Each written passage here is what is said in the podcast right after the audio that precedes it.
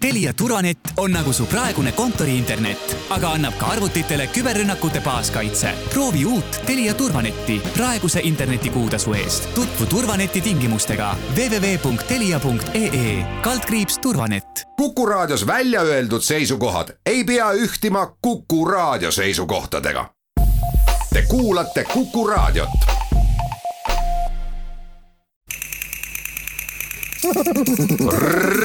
reisirada.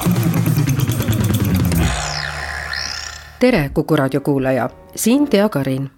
reisirada saates räägime maailma kõige šarmantsemast valest ja suurtest ja väikestest kuuskedest. Räägime jõuluehetest ja martsipanist, piparkoogi maagiast ja moest, samas ka linnaloomadest, lehmast, lutikast ja lohest. räägime jõulutoitudest ja rookroonidest ning lõpetuseks heidame pilguga turismi võimalikku tulevikku. tervitan teid saatesse Reisirada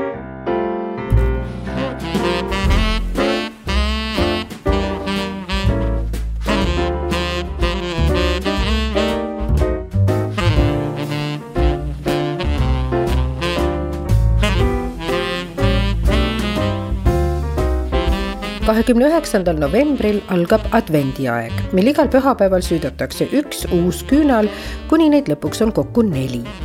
juba neljandast sajandist alates tähistatakse seda Kristuse tulemise aega.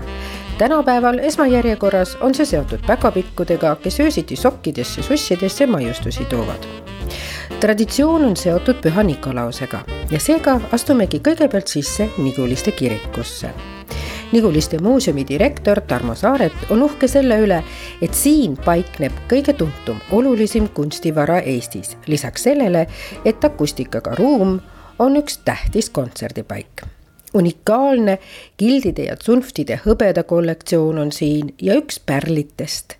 ainus keskaegne lõuendil säilinud surmatants maailmas siin on Hermen Roode töökojast tellitud spetsiaalselt Niguliste kiriku jaoks üks Euroopa suurimaid nii hästi säilinud kappaltaare, kus Tallinna kaitsepühaku Püha Viktori kõrval pildid kiriku kaitsepühakust Püha Nikolausest.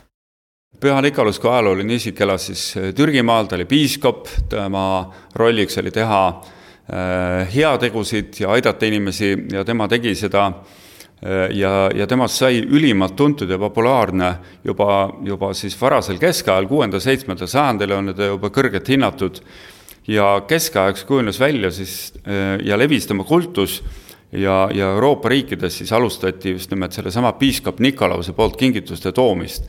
ja kõik see toimus siis kuuendal detsembril, Püha Nikolause päeval. Ja sajandite jooksul on sinna tekkinud juurde veel arvukalt siis erinevaid äh, lugusid, legende, abilisi, assistente, kes siis aitavad neid kingikotte kanda, tuleb, ilmub juurde ka vitsakimp, ehk siis sama hea ja kurja eh, pool, et igalasel on ühest küljest siis küll see, see piiskopi aitamise roll ja, ja kingituste toomise roll, kõik need, kes on käitunud aasta jooksul hästi, aga, aga lisandub siis ka see teine pool, et karistuseks siis saavad vitsa need, kes seda ei ole teinud, ehk siis kogu aeg see see paremaks muutumise äh, soov, mis on ju kogu kristliku maailma üks põhialuseid.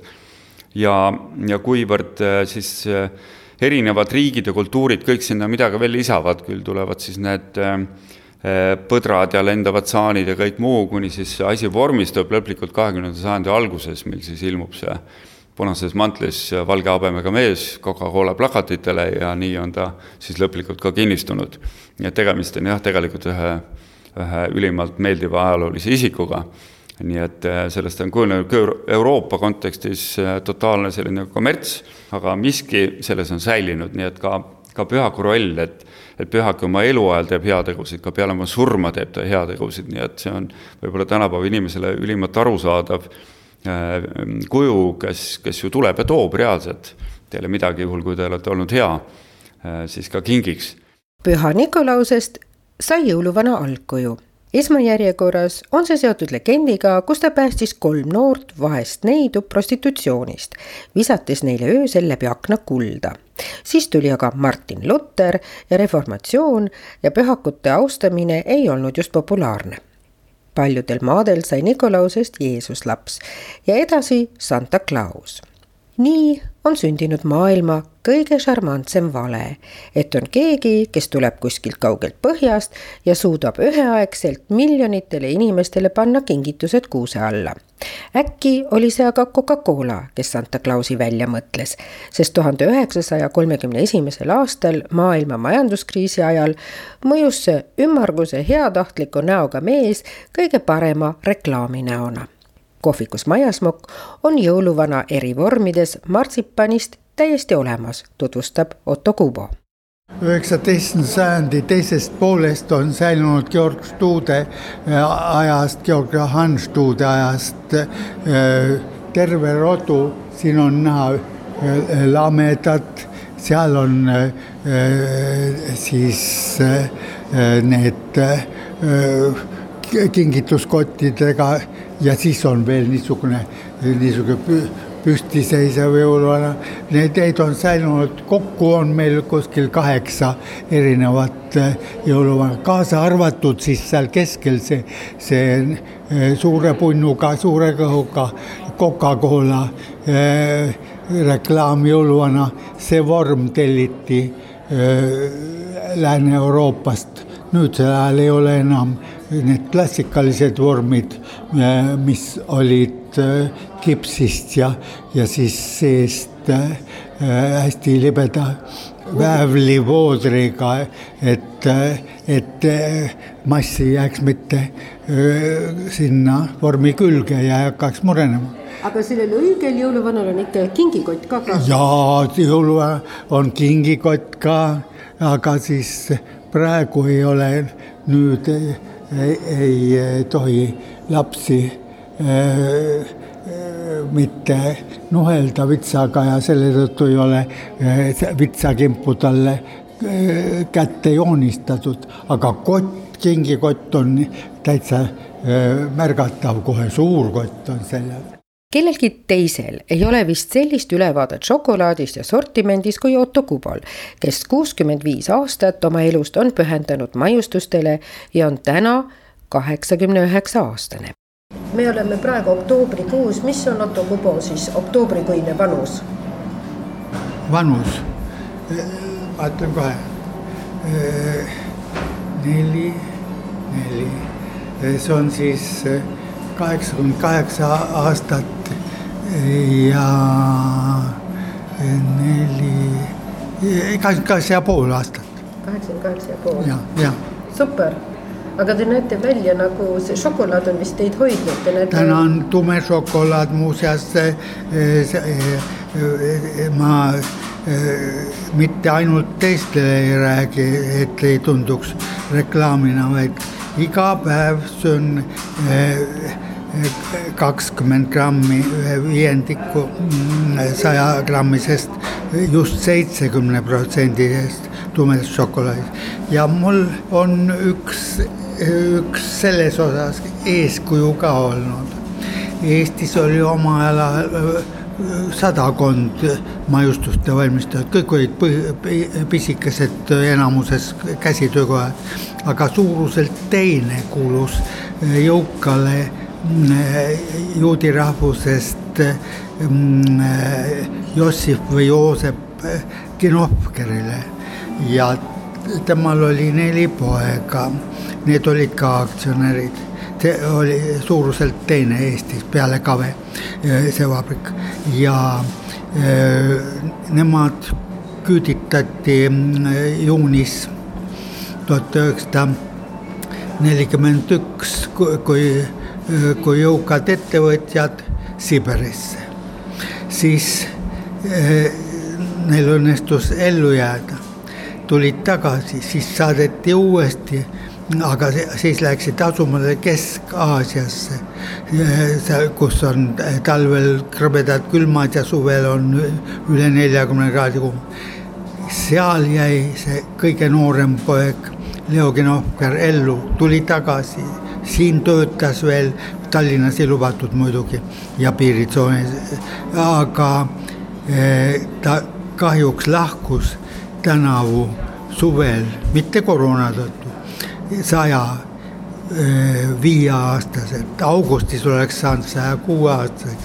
iga päev sõi tema siis selle killukese tumedat šokolaadi, just seitsekümmend protsendilist ja tema võttis veel ühe väikese küüslaugu napsi, mitte rohkem umbes, no mis seal väikses pitsis on kakskümmend milliliitrit, kus on küüslauk ja must pipar ja paprika sees.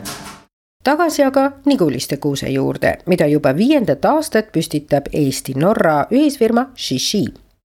Spetsiaalselt selle maja jaoks inspireerituna siis Niguliste kollektsioonist valmis ju esimesel aastal kuusk, mis oli kaunistatud eh, esmapilgul selliste ootamatute ehetega, luukeredega mis oli kuldsed ja hõbedased ja pealuud sinna juurde ja kõik muu, mis esmapilgul tundub väga eh, selline sünge või morbiidne, aga samas koos selle imelise kauni rohelise puuga moodustas ta kauni terviku ja tegelikult on üks väga õpetlik sõnum.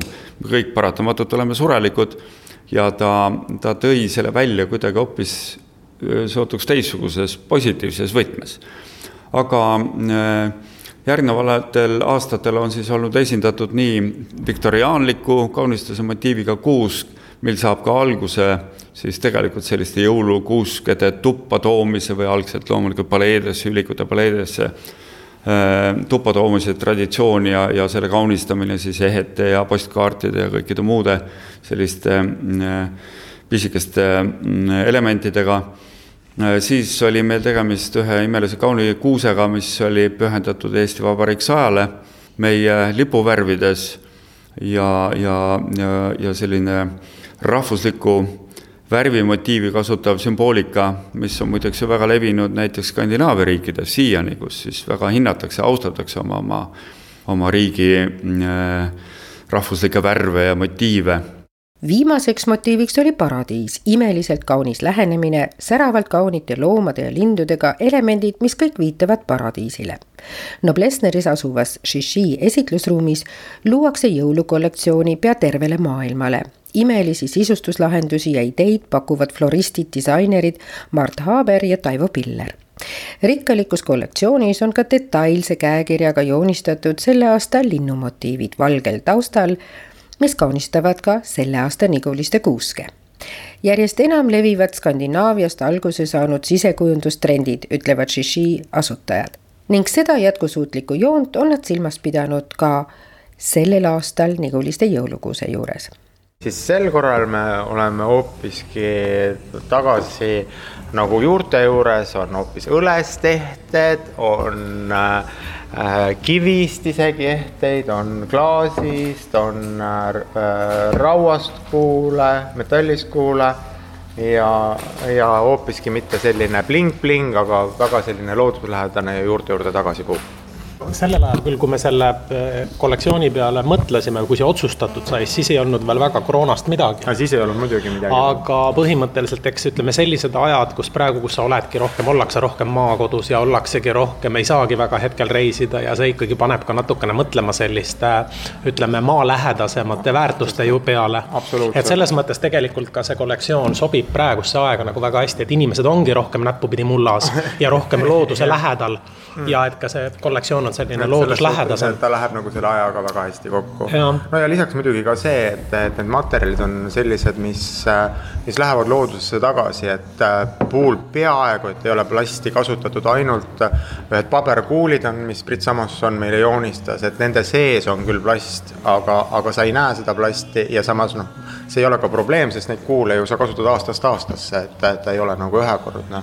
ja üldse noh, meie viimaste aegade asi, mida me oleme püüdnud siin ise oma majas teha ja tehastega, et, et vältida seda toodete ülepakendamist ja, ja seda mõttetut prahti, mis nagu tekib just, just selle toode ja just plasti pakendamist, et et äh, kuna tehasid on ka palju, kellega me tööd teeme, siis äh, me ei saa öelda, et me oleme sada protsenti sellega juba hakkama saanud, aga me oleme sinnapoole teel, et, et vähendada kogu selle asja osakaalu inspiratsiooni saab aga ka teistelt imelistelt kuuskedelt nii New Yorgist, Londonist kui Pariisist ja et imeline koht oli ja, ka Salzburg jõuluturg. üks, üks ilusamaid ja sarmikamaid tegelikult. absoluutselt. Salzburg oli tõesti väga-väga tore mm. -hmm. mis tegi Salzburgi nii toredaks? Seal oli selline lähenemine oli hästi nagu selline klassikaline mm., lähenemine oli selline hästi klassikaline ja ajalooline, seal oli, palju oli selliseid ehted, mis olid küll jäljendused ja tänapäeval toodetud, aga oli näha, et nad olid nende vanade jõuluehete järgi nagu äh, tehtud. mis oli hästi palju, oli selliseid. mida seal nagu kusagil mujal ei ole no, maitseainetest, nelgist, kaneelist, kõikvõimalikest sellistest lõhnavatest. mis äh, nagu teatakse isegi nagu Salzburgi ja, nagu ehted, et ongi väikesed pärjakesed puu peale ja seal oli suur lai valik selliseid asju, mida nagu ma, ma mujal ei ole, ei ole nagu üldse näinud, et see oli väga, väga, väga meeldejääv Eesti sada kollektsiooniks me tegime klaasehteid, meil olid rukkililled sees ja, ja, ja vapiga ehteid ja, ja mm -hmm. lipukeste garlandid, mis on, ütleme siin Skandinaavias väga populaarsed. no ja teistes riikides. Norras just eriti on hästi tüüpiline tegelikult. sõjajärgne aeg oli, kus oli ikkagi neid lipudega ikkagi selle kaunistati. vabaduse ja võidu puhul pandi ikkagi lipud puude peale, mis me ütleme, et meil sellist kommet ei ole tegelikult, tegelikult no, üldse no. olnud, et see nüüd selle juubeli puhul tegime ka selle lipugarlandi, ma arvan, mida Eestis pole ilmselt sinimustvalgega varem nähtud mm. või kasutuses olnud klaaskuul on ikkagi puhas no, käsitöö, klaaskuul on ikkagi kõik, nii kuul ise kui ka dekoratsioon peale tuleb ikkagi, kõik on ikkagi sada protsenti käsitöö. seda käsitööd otsi rohkem. Kui kallid, Taivo tutvustas mulle seda imelist äh, hi.... tikitud, seda pärlitest tikitud India kuuli. arvestades seda, kui suur töömaht selle ühe kuuli juures on, siis ta on ikkagi meeletult odav, siis ta on meeletult odav mm. -hmm. ma ütlen, et see, see üks kuul on suhteliselt sama suur töö nagu üks Muhu päti tegemine, aga, aga poest on võimalik teda osta, ütleme kümne või kaheteist euro eest mm.. et see on ikka, see on ikka ääretult odav, arvestades seda töö, töö hulka, et, et ta ei ole üldse kallis. kas teil on äh, mingid äh, ähm, Eesti ehted ka, kui see on Eesti-Norra firma, kas on mingid spetsiaalsed Eesti, millised absoluutselt, me oleme läbi aegade teinud koostööd kas Eesti fotograafidega, sel aastal Brit Samussoniga Äh, lasime joonistada kolm erinevat Eesti lindu, mis on siis mustvalged, need tulevad ka sinnasamasse Niguliste puu peale, nii et.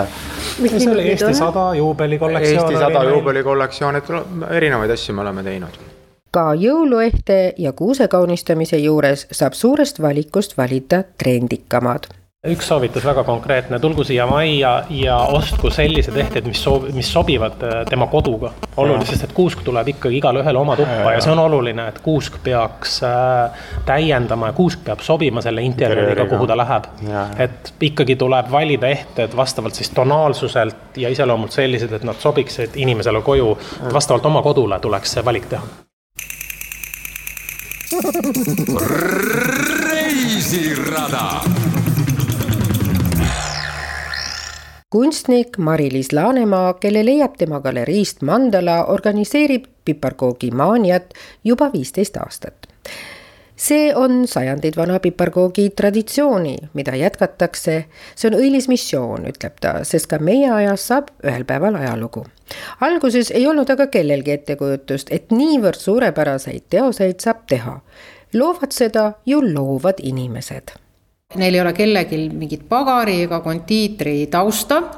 ja meil on täitsa isegi nagu äh, juba sellised äh, pagarid või, või sellised inimesed küsinud meilt nõu, et oi, kuidas te teete nii äh, suurt asja või mida ma peaks tegema, et seda saavutada. et see on põnev selle asja juures, jah. aga ütleme, kui ma mäletan esimesest aastast, kui tuli sisse see Eh, inimese suurune piparkokk, Katariina Aus tuli piparkokk kaenlas, tema enda suurune. no selle peale kukkus ikka kõigil suu lahti. ja no on igal aastal olnud mingeid erinevaid töid, kui esimest korda, ma ei mäleta, mis aasta see oli, kui olid need Van Goghi päevalilled tehtud ruumiliselt, see tundus täiesti ületamatu. aga kui me tuleme praegu juba näitusele, siis kõiki neid ähm, nõkse juba kasutatakse edasi ja, ja need piirid nagu nihkuvad kogu aeg. see on võlumaailm, loomine, see maailm, mis tekib koos näitusega, kaasab ka loojate energiat. sel aastal on juubeliaasta, seega glamuur. arvan, et see mood eh, just on selline, mis, mis tuleb selline särav inspireeriv, selline lootust andev, usku andev, et kõik ikka ilus on alles et rasked ajad saavad mööda ühel hetkel ja jälle no ütleme, et elu on jõudnud võib-olla mingisugusele uuele tasandile. Ma usun, et ikkagi see kõik on millekski heaks vajalik. ja seetõttu ongi meil selline teema, et ma ootan tohutu põnevusega, mis tööd sel aastal tulevad et mul on väga hea meel, et meiega peale viiteist aastat on liitunud ka Imre Kose, kes oli väga oluline liikuma panev jõud esimesel aastal, kui piparkoogimaania alguse sai. ja kes koos Sigrid Leisiga tegi siiani vist kõige õnnestunuma piparkoogi haute couture kleidi nüüd siis sel aastal äh, ta teeb uuesti piparkoogi moodi ja, ja vaatame, mis sellest seekord välja tuleb. ja veel on mõningaid äh, moedisainerid on jaa öelnud, no vaatame, mis, äh, kuidas neil tuleb välja siis piparkoogist moeloomine. igal aastal on näitusele loodud spetsiaalselt mõne Eesti helilooja poolt muusika ja see, see muusika ka on selles mõttes eriline, et kuna seal äh, näitusel käib hästi palju rahvast, siis seda muusikat tuleb niimoodi luua, et, et äh, et ka siis, kui saalis käib rahvast ja sahistatakse, et see muusika kostaks välja, sest teatud sagedused üldse ei, ei, ei kostu. et see on, see on omamoodi sellele heliloojale ka nagu selline väljakutse, väljakutse jah ja sellel aastal äh, teeb piparkoogi maania muusika Janek Murd, aga sellist näitust, kus niivõrd suur kontsentratsioon professionaalseid loovinimesi erinevatelt aladelt teevad piparkoogist kunsti, mina ei ole kuulnud ja meid on üritatud isegi kopeerida Soomes ja, aga neil ei ole välja tulnud, sest nad ei saa päris täpselt aru, kuidas see kõik on loodud. et mul on tunne, et, et mingisugused piparkoogi jumalad salapärased kaitsevad meid ja, ja, ja üldse, et selle kogu selle projekti taga on mingid salapärased jõud, kes on tahtnud selle kõik ellu tuua sest ma iga kord tunnen, kui see piparkoogimaania algab, et ma oleks sattunud nagu mingisuguse maagilise pilve sisse, kus on mingisugused teised reeglid kui igapäevases elus. ja seda on öelnud ka need osalejad ja võib-olla ka külastajad, et kõik tunnevad, et seal on mingisugune seletamatu maagia ja, ja, ja mulle tundub, et meil on selline eriline kaitse ja õnnistus sellel üritusel peal. ja, ja tegelikult ma ikka väga loodan, et teadmine sellisest äh, fantastilisest näitusest, sellisest imelisest loovusest, et see jõuaks ka mujale maailma astume vanalinnale veelgi lähemale Kikendiköki torni suunas. Toomas Abiline, Tallinna Kindlustusmuuseumi juhataja, räägib sellest, et detsember ootab linlasi tutvuma Tallinna keskaegse eluga näitusel nimetuse all Linnaloom. täpne pealkiri on siis äh,, siis äh, Lehm, lutikas ja lohe Tallinna ajaloos sellepärast, et nii lehm, lutikas kui, kui ka lohed on, on Tallinna, Tallinna ajaloos oma rolli mänginud. et äh, inimesed on ju Tallinnas äh, olnud linna algusest peale koos erinevate elukatega, loomadega, koduloomadega, lindudega Tallinn oli nagu üks äh, suur küla ja me teame, et külas on inimesed koos loomadega. ja see on tegelikult väga põnev teema, mida on vähe käsitletud ja, ja me, me teeme sellel teemal päris korraliku suure näituse, nii et kahel Kikendeköki korrusel siis tõesti saame, saame teada, kuidas on inimesed elanud keskajal koos loomadega, kus olid karjamaad, mis tähendus oli loomadel, sümboolne tähendus ja nii edasi, seal on väga palju põnevaid kihistusi ja, ja see on, meil on seda väga põnev olnud teha. ja, ja räägime ka siis nendest näiteks fantaasialoomadest, sest olid need loomad, kes siis äh, oli, andsid meile igapäevast toidust aga, aga olid siis ka loomad, kes olid inimese fantaasias elasid, erinevad lohed ja ükssarvikud ja, ja greifid ja kõik need ja mis tähendus nendel oli ja mis rolli nemad täitsid ja nii edasi, nii et põnev näitus tuleb jõulukuul on spetsiaalsed jõuluprogrammid, jõulutuurid, kus räägitakse ka jõulutraditsioonidest. ja, ja siis edasi meil on koostöö Olde Hansaga niimoodi, et, et olles siis meie näituse ära vaadanud ja siin äh, sellel tuuril osalenud ja loodetavasti siis äh, inimesed on heas meeleolus, et, et siis edasi äh, liigutakse siit juba Olde Hansasse ja seal on siis juba Olde, Olde Hansa stiilis selline pidulik, pidulik jõulusöömaaeg, nii et selline vahva koostöö siis, siis Olde Hansaga. no Olde Hansa menüü on baseeritud keskaeg. no see ei ole ainult Eesti muidugi, see on terve Liivimaa. võib-olla Hansa Trade siis on ka Hispaania, praeguse Hispaania, Maroko, siis on Saksamaa ja nii edasi, kas meil on erinevad Hansa linn. aga Olde Hansa maja ise oli keskaeg äh, kaupmehe maja. ainult, mis me, mis, mis tohib äh, pakkuda siin, oli maitseained ja ainult välismaalastele. kõik maitseained, mis läks müügis. Äh, keskaeg oli siin meie majas. pluss maitseaine on üks väga tähtis osa, Olde Hansa ka muidugi. Me kasutame väga palju kaneel, ingver, nell, kardamon, müskaad me ei kasuta üle, lihtsalt mait-, balansseerimiseks, aga keskaeg oli see nagu raha väärtus. rohkem maitseaine sa kasutad söögi sees, mida rikas sa oled. see on väga rikas kaupmees, paneb, noh, ma lugesin raamatut ka muidugi, maitstakse üle kurgid, maitstakse üle veinid. lihtsalt näitada, mul on raha olemas. aga muidugi meie proovime õige balanss leia muidugi. Aga see on meie köök. ta on balansseeritud, magus, happu ja järremaits on hästi pikk Emmanuel Ville, Oldehansa peakokk, on valmistanud spetsiaalselt jõulu jaoks ka erilise roa, sest kahe tuhande kahekümnendal aastal toimus Tallinnas maailma mainekaim kokandusvõistlus ja selle pearoaks oli vutt Olde Hansa pakub seda keskaegses võtmes maailma kallima vürtsiga ja juurde pika töö tulemusel valminud ja auhinnatud uue vürtsika joogi Golden Grüber. mitte kaugel Olde Hansast on Kaarmanni käsitööpood, kus advendi ajal toimuvad töötoad igal nädalavahetusel midagi erilist. kõigepealt aga rahvarõivaste tuulutamise juurde. MTÜ Rahvarõivas tegevjuht Anu Randma käe all on tuulutatud rõivaid juba viis aastat. Et meil on inimestel päris palju selliseid kasukaid pikkuubesid, mida suvel palavaga selga ei pane, et just see talvine kogunemine annab siis selle võimaluse, et neid äh, näidata praegu rahvarõivaste selgapanek on ka omaette selline protsess, et seal on oma kindel järjekord ja kindel esemete hulk ja siis on igasugused kaitsemaagilised esemed, mis peavad ka kindlasti juures olema, näiteks hõbeehted või, või siis ilusa kirjaga kindad meestel võrkvööga, vöö vahel.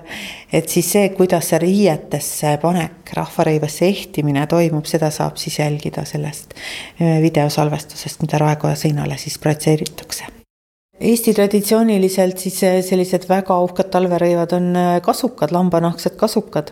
et neid meil väga palju tehtud ei ole, aga, aga natukene on ja saame ka näidata.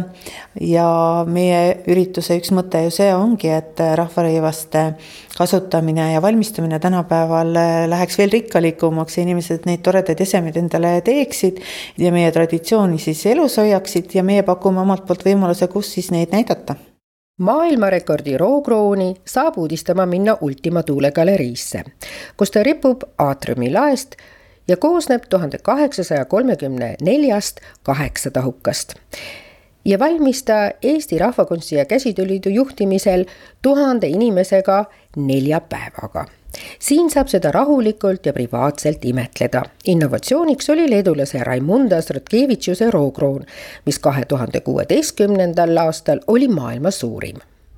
See on siis Eesti roomeistrite valmistatud rookroon, maailma kõige suurem, vastav Guinessi rekord on talle ka väljastatud. Ja enam-vähem täpselt aasta tagasi selline suur uhke objekt valmis Mardi laadal Katrin Kuldmaa, Amanjeda loovjuht ütleb, et Amanjeda tähendab ilu ja esteetika gurmaani ehk teisiti tema kliente. igaüks võib ehitada hõbevalgest inspiratsiooni saanud oma Ultima Thule, ütleb ta. tema ehitab sellel aastal enda oma disaini ja elustiilibrändi koondavas galeriis.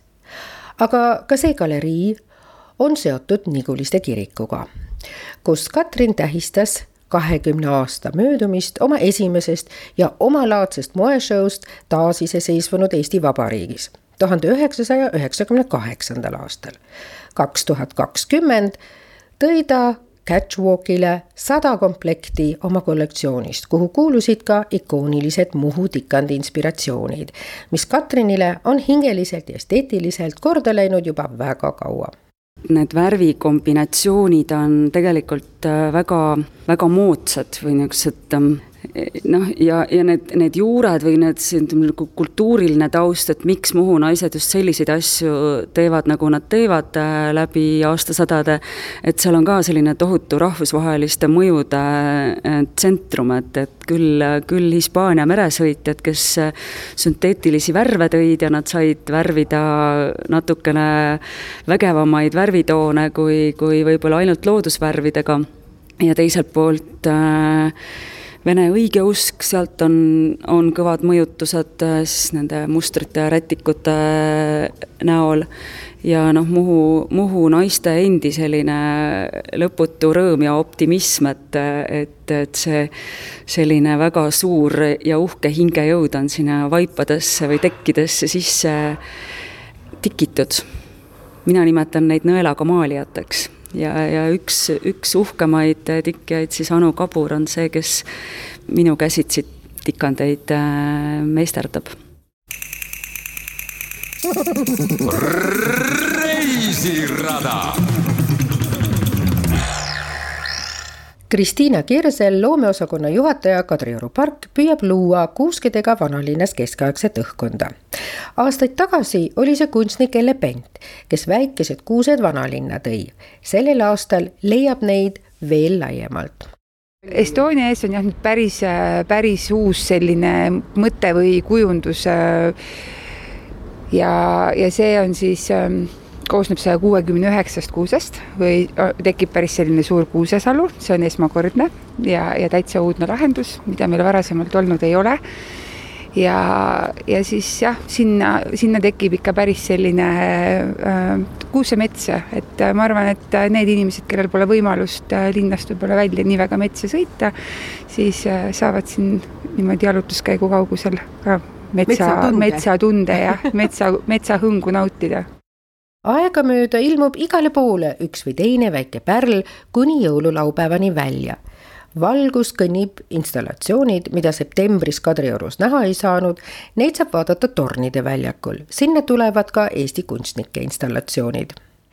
Meil tulevad ka siuksed neli elusuuruses äh, laternat sel aastal, mida varasemalt ei ole olnud. Ja need on äh, äh, sellised minu arust justkui nagu päkapiku majakesed, kuhu inimene siis saab sisse minna, seal ennast pildistada. et äh, ma olen püüdnud mõelda siis väikesed asjad suureks. et äh, ma arvan, et see on niisugune natuke, noh, ütleme natukene äh, lapsemeelne ja, ja ütleme siis, siis saab täiskasvanud inimene ka tunda ennast jõuluajal nagu, nagu väike laps. me ei oska olla ju lapsed. aga mitte ainult vanalinnale ei ole jõulude ajal mõeldud ka iga linnaosa saab oma valguslahendused. nii et tegelikult me võime ka öelda, et minge jalutage Kalamajas. jaa, kindlasti, et Stroomi ranna promenaadi on täispikkuses tuledes mida varasemalt pole olnud, päris uus lahendus Õismäe tiigi ümbruses on väga ilus uus lahendus. et, et kindlasti tasub jalutada ka erinevates linnaosades ja avastada uusi siukseid asju Vabaduse väljakule tuleb valguspurskkaev ja siit piilub suurtükitorni tagant ka Neitsi torn ja mulle meenub, et ajaloolane Tõnu Pedaro rääkis uue näituse avamisel, et kohe, kui ta torni viie aasta eest tööle tuli, siis seadis endale eesmärgiks taastada torni eriline kohavaim. Ja nüüd on avatud ka uus näitus pühendatud kunstnikele, kes siin läbi aja on elanud ja tõepoolest äh, tuleb ju öelda, et, et tänasel päeval, kui äh, noh, inimene tuleb Neitstorni vaatama, siis äh, ta isegi ei kujuta ette, et üheksateistkümnenda sajandi alguses Neitstorni asemel oli niisugune kahekordne klassitsistliku fassaadiga elamu. et seda nagu torni üldse siit nagu ära ei tulnud. ja siin selles kodukultuuri ajaloos on äh, no väga palju nagu võimsaid nimesid, kes tegelikult on selle majaga seotud, noh näiteks Philip Carrel, eks ole, üheksateistkümnendal sajandil, kes oli eestlane, kes, kes, kellest sai äh, tsaaride ihuarst või, või näiteks äh, Heinz Henry Falk kes kujundas, ütleme esimese eestlasena väga palju Tallinna linnaruumi, tegi Toompuiestee, tegi Falki tee ja, ja nii edasi, nii edasi, selliseid asju ja, ja muidugi loomulikult ka näiteks siin on omanikuks olnud kuuekümne üheksandal aastal ja hiljemgi äh, parun Aleksander von der Pahlen, kes tõi meile ju raudtee. ja raudteest äh, saab nüüd, raudtee rajati siis tuhat kaheksasada seitsekümmend, sellest saab nüüd kohe novembri alguses saab ju sada viiskümmend aastat. et, et raudtee mõjutas Tallinnat meeletult ja üldse tervet Eestit, eks ole, raudteeühendus, mis oli siis Peterburi ja, ja Tallinna ja Paldiski vahel. nii et need kõik need inimesed on seotud selle, selle Neitstorni elamuga. aga see konkreetne näitus on siis, kõneleb nendest kunstnikest, kes siin olid ja, ja ütleme, siin on siis tuhat üheksasada viis siia siis teisele korrusele tuli äh, meie esimese, meie Eesti esimene naiskunstnike rühmitus ehk siis tarbekunsti ateljee, mis sisaldas endas siis äh, tõesti nelja äh, baltisaksa päritolu ähm, naisterahvast, kes olid väga õpihimulised ja, ja tegid sellist noh, mööblit, kujundasid mööblit, nii et see on meie esimene niisugune naiskunstnike rühmitus et selles mõttes oli tõeline neitsitorn või siis no ütleme, noorte naiste torn. aasta jõuab advendiaja lõppedes lõpule. vanalinnas annab endast märku, et turiste ei ole ja sealsed ettevõtjad kannatavad üsna palju mida võib Tallinn oodata tulevikust, sellest räägib Riin Alatalu, muinsuskaitse nõukogu esimees, kelle nime juurde lisandub veel hulgaliselt tiitleid. ICOMOS-e Eesti aseesimees ja EKA õppejõud koos Kunstiakadeemia ja Tallinna Sadamaga viidigi läbi uurimus, kuidas tegutseda turismivaldkonnas edasi. see on hea hetk muutmiseks, ütleb Riin. kui turistid, keda tagasi oodatakse, jälle tulevad, siis tuleks mõelda nende hajutamisele vanalinnas ja siin on juba ideid ja lahendusi, selleks on süstikbuss ja üks nendest lahendustest, mida me siis äh, arhitektidega koos välja pakkusime, on see, et äh, et suurt osa turiste võiks hakata teenindama selline ringliinibuss, mis ühtlasi töötaks ka, ka siis vanalinlaste jaoks või Tallinna elanike jaoks.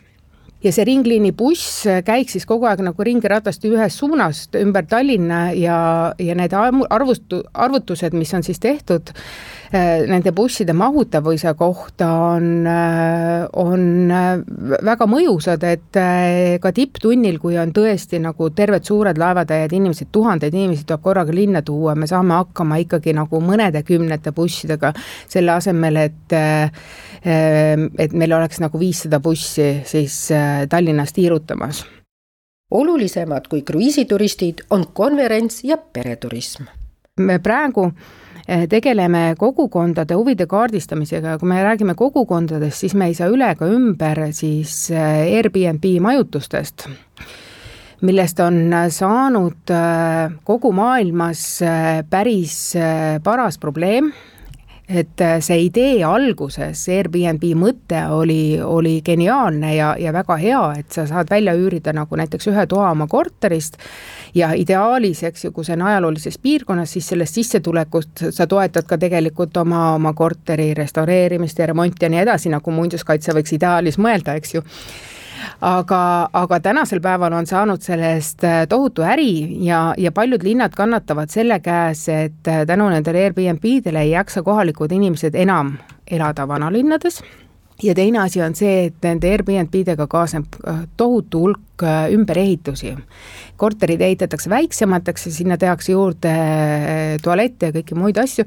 ja kui me mõtleme nagu selle peale, et meie vanalinn on siiski nagu suures osas niisuguse keskaegse ehituskehandiga, et, et sellised niisuguseks korteriteks, korterite jagamine tillukesteks tubadeks ei ole muinsuskaitseliselt alati väga hea ja teine asi, mis puudutab äh, kogukonda, on see, et äh, väga paljud vanalinlased kaebavad, et nad on kaotanud kodutunde, sellepärast et nende majas, need on üldiselt ju kõik kortermajad, mis meil vanalinnas on, et äh, nad ei tea enam, kes käivad nende majas, uksed jäetakse lahti, noh, see müra ja, ja, ja sodi jätmine ja kõik see, et see on veel täiendav teema sinna juurde. aga just see, et äh, sa ei tunne enam neid inimesi, kellega sa koos elad, et see on väga paljude jaoks probleem vanalinn peab olema ka kohaliku jaoks mõnus paik, kus ta tahab elada, ütleb Riin Alatalu.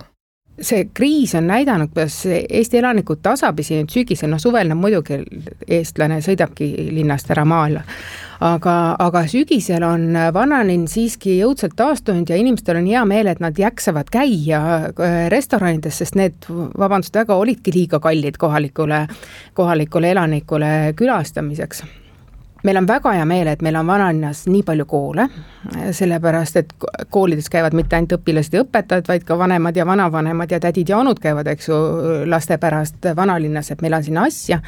ja meil on õnneks veel ka vanalinnas äh, päris palju ministeeriume, ametiasutusi ja, ja muid, mille pärast ka kohalik elanik läheb äh, linna ja ma ise arvan, et see on üsna kahetsusväärne näide sellest, et eh, Harju üksteist majandusministeeriumi hoone müüdi maha ja sinna tuleb jälle üks hotell.